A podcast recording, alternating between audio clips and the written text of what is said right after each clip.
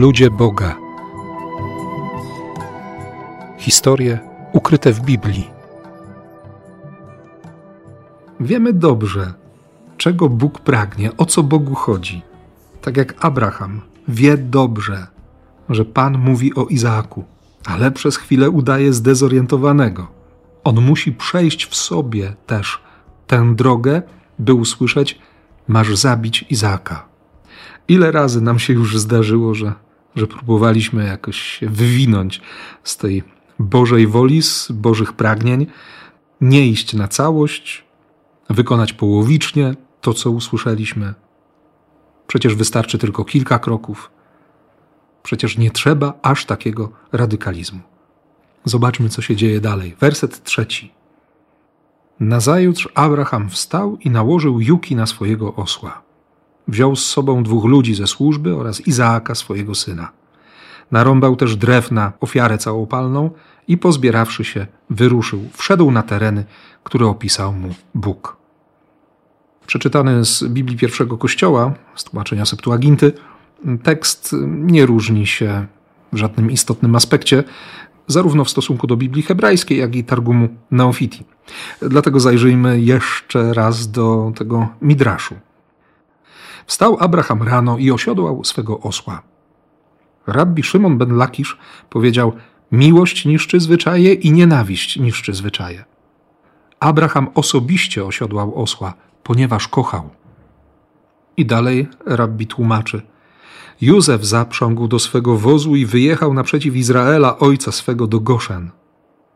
Nie miał on niemało sług? Porównania. Porównania, w których mostem jest siodłanie osła, jest wyciąganie ręki z nożem i rozszczepianie drzewa. Czynności podobne, ale różne intencje. I dobrze jest mieć świadomość, że te czynności pociągają za sobą konsekwencje, często daleko idące. Bo z zasług Abrahama korzystają kolejne pokolenia, również my. Warto o tym pamiętać, kiedy podejmujemy różne decyzje, szczególnie kiedy dokonujemy ważnych i istotnych wyborów.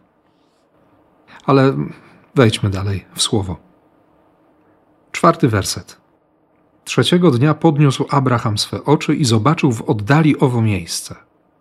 Midrasz opowiada w następujący sposób. I ujrzał owo miejsce z daleka. Co zobaczył? Obłok osłaniający górę. Powiedział: Wydaje się, że to jest miejsce, o którym święty, niech będzie błogosławiony, powiedział, żebym na nim ofiarował mego syna. Powiedział do Izaaka: Synu mój, czy widzisz to, co ja widzę? Odpowiedział mu: Tak. Powiedział do niego: Co widzisz? Odpowiedział: Widzę obłok osłaniający górę. I rzekł Abraham do swych dwóch sług: Czy widzicie to, co my widzimy? Odpowiedzieli mu: Nie. Powiedział do nich: Ponieważ nie widzicie niczego, jak i osioł niczego nie widzi, zostańcie tu z osłem. Lud, który jest podobny do osła. Według tradycji żydowskiej, która znajduje odzwierciedlenie właśnie w tym midraszu, i osioł, i słudzy Abrahama oznaczają narody pogańskie. One mogą dojść w swojej historii wiary tylko do pewnego momentu poznania Boga. Dalej już nie widzą. Po trzech dniach wędrowania przestają widzieć. Daje to wyraźne świadectwo, że do pewnego etapu drogi wiary możemy dojść na ludzki sposób, potem przestajemy już widzieć. Później potrzebna jest łaska. Ojcowie Kościoła, którzy znali doskonale ten midrasz, interpretowali go nieco inaczej. Osioł miał symbolizować narody pogańskie, ale słudzy to Izrael. Bo ojcowie mówią, do momentu doświadczenia krzyża można dojść o własnych siłach. Na tym koniec. Dalej widzą tylko chrześcijanie i to właśnie dzięki łasce. Mają ten wzrok Abrahama, który podniósł oczy i zobaczył.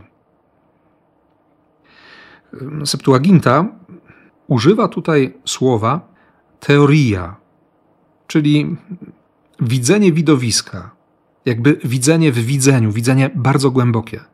W Nowym Testamencie to słowo jest użyte tylko raz przez świętego Łukasza, kiedy mówi o o przyjściu ludzi na widowisko krzyża. Dla ewangelisty ci ludzie oznaczają wszystkich, którzy na krzyż patrzą głęboko, widząc tego, którego przebodli i wracają nawróceni. To później znajdziemy podczas reakcji na przemówienie Piotra w dniu pięćdziesiątnicy. Przekłuli sobie serca i zapytali, co mamy robić. Bo dla Żydów krzyż jest znakiem porażki, zniszczenia, dla chrześcijan to drzewo życia, to nowa rzeczywistość. Dla tych, którzy wykonują jedynie religijne akty, krzyż będzie zgorszeniem. Dla mądrych głupstwem. Dla tych, którzy uwierzyli, którzy patrzą głębiej, którzy widzą głębiej, będzie mocą i mądrością Boga.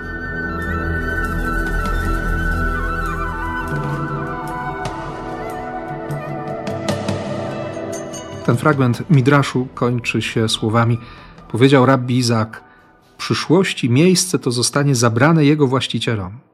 Czy na zawsze? To jest miejsce mego odpoczynku na wieki. Psalm 132. Dopóki nie przyjdzie ten, o którym zostało napisane: Ubogi jedzie na osiołku. W tym tekście widzimy to, to ogromne, pełne pasji i tęsknoty oczekiwanie na Mesjasza. Co robi Abraham? Odzywa się do swoich sług: Zostańcie tu z osłem, ja natomiast i chłopiec pójdziemy tam, a kiedy złożymy pokłon, wrócimy do Was. Fascynująca jest wiara Abrahama. Wie, co ma zrobić, wie, jak to wszystko ma się skończyć i mówi: Wrócimy. Idzie złożyć ofiarę ze swego syna, ale wierzy, że wrócą razem.